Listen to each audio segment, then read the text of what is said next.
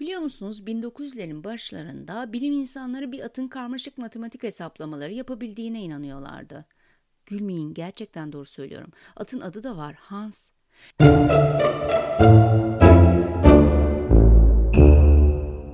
Evet evet evcil hayvanlarımızın bir biçimde bizimle iletişim kurabildiğini düşünüyoruz değil mi? Bence çok da güzel kurabiliyorlar. Tabii iletişim iki yönlü ama bizim de onların kurmaya çalıştıkları o iletişimi beden dillerinden, ses tonlarından anlayabilecek kadar en azından bir zeka düzeyine sahip olmamız gerekiyor.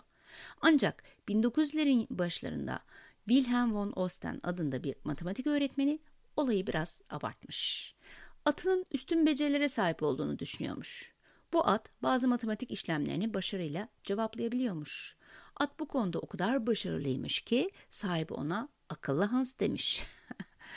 bu matematik öğretmeni bir kişinin zekasının diğer şeylerin yanı sıra yani o diğer şeyler biraz meçhul bilmiyoruz ama kafa şekli ve büyüklüğüyle belirlenebileceğine inanıyormuş.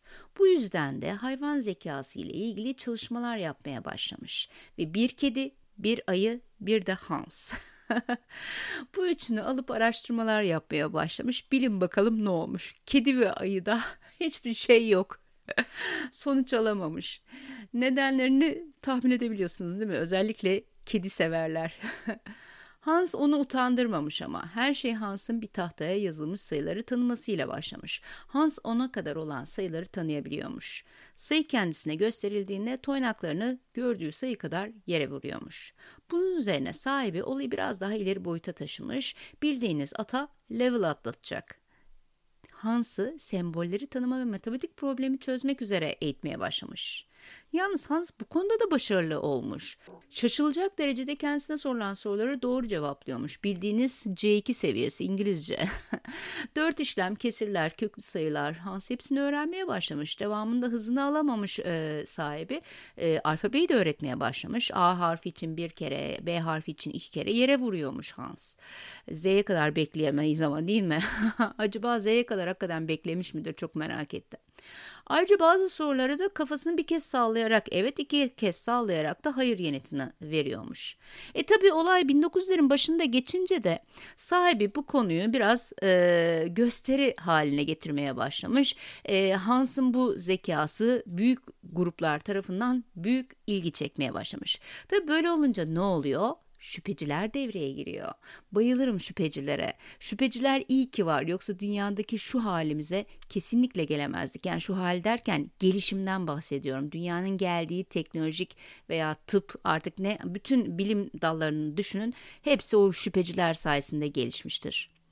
Bu şüphecilerden Oscar adında bir doktor hem de psikolog atı incelemeye başlamış. Psikolog izlerken atla birlikte sahibinin de davranışlarını inceliyormuş ama tabii ki. Mesela sahibi kartona soruyu yazıp geri çekiliyormuş ve atın yanıtını izliyormuş. Hatta at sahibinin yanında yokken bile doğru cevaplar veriyormuş. Doktorumuz hiç aldatıcı bir taraf görememiş. Fakat tabii ki bu durum onu daha da detaylı incelemeye yöneltmiş.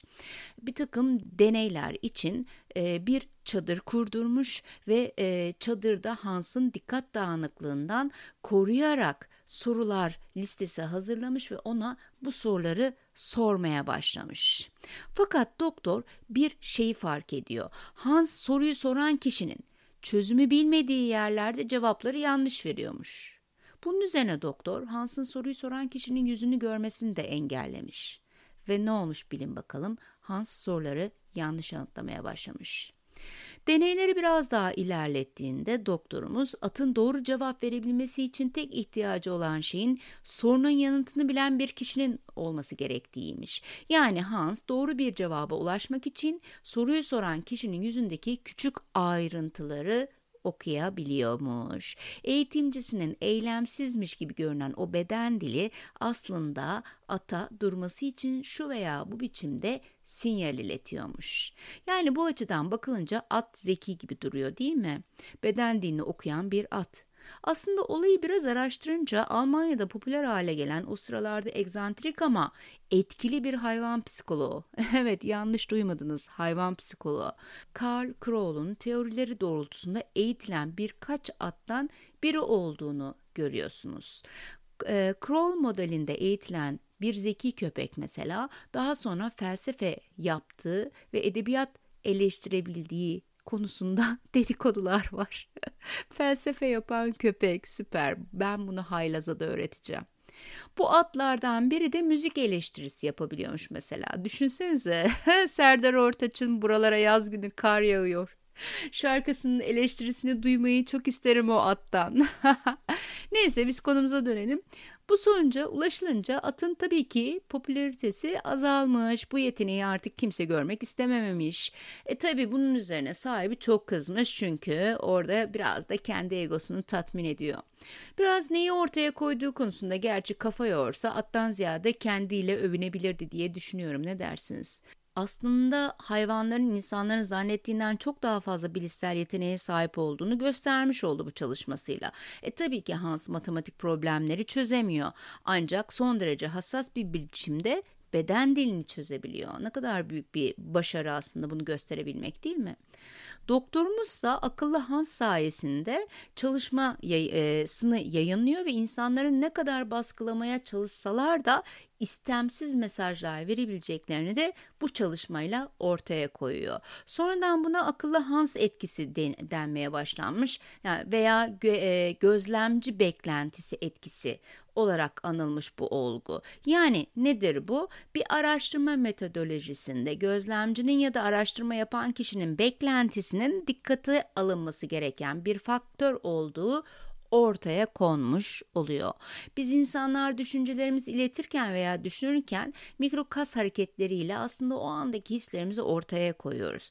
Bedenimiz yalan söylemiyor. O andaki hislerimizi saklayamıyoruz. Yeter ki ne olsun karşımızdaki bunu okuyabilecek derecede bu konuda bilgi sahibi olsun. Hans da bunlardan biriydi. Çünkü Hans'a soru soran sorusunu sormayı bitirdiğinde ve Hans'ın cevap vermeye başlaması için hazır olduğunda ileri doğru kayıyor ve Hans'ın toynağına doğru bakıyordu. Hans doğru sayıya ulaştığında soru soran bir rahatlama ile ne yapıyor? Biraz daha böyle dikiliyor, vücudu doğruluyor, nefes alışverişi daha düzenli hale geliyor. Bunu da Hans okuyabiliyor. Bu nedenle akıllı Hans sayesinde çift kör kontroller yapılmadan yani deney ve deneklerin bilmediği bir takım önlemler alınmadan deneyicilerin sonuçları bilinçsizce etkileyecekleri de öğrenilmiş oldu. Bilim dünyasına çok güzel bir aslında ispat değil mi? Verenin bile farkında olmadığı minik ipuçlarını vererek aslında bazen istediğimizi söyletmiş, istemediğimizi yaptırtmamış olabiliriz. Bilinçli ya da bilinçsizce karşı tarafı etkilemiş ya da karşı taraftan etkilenmiş olabiliriz. Ya da bazen bırakın etkilenelim değil mi? Ne gibi? bu ayakkabıyı alayım mı hayatım karşılığında sen bilirsin canım gibi. ne dersiniz? Görüşmek üzere. Hoşçakalın.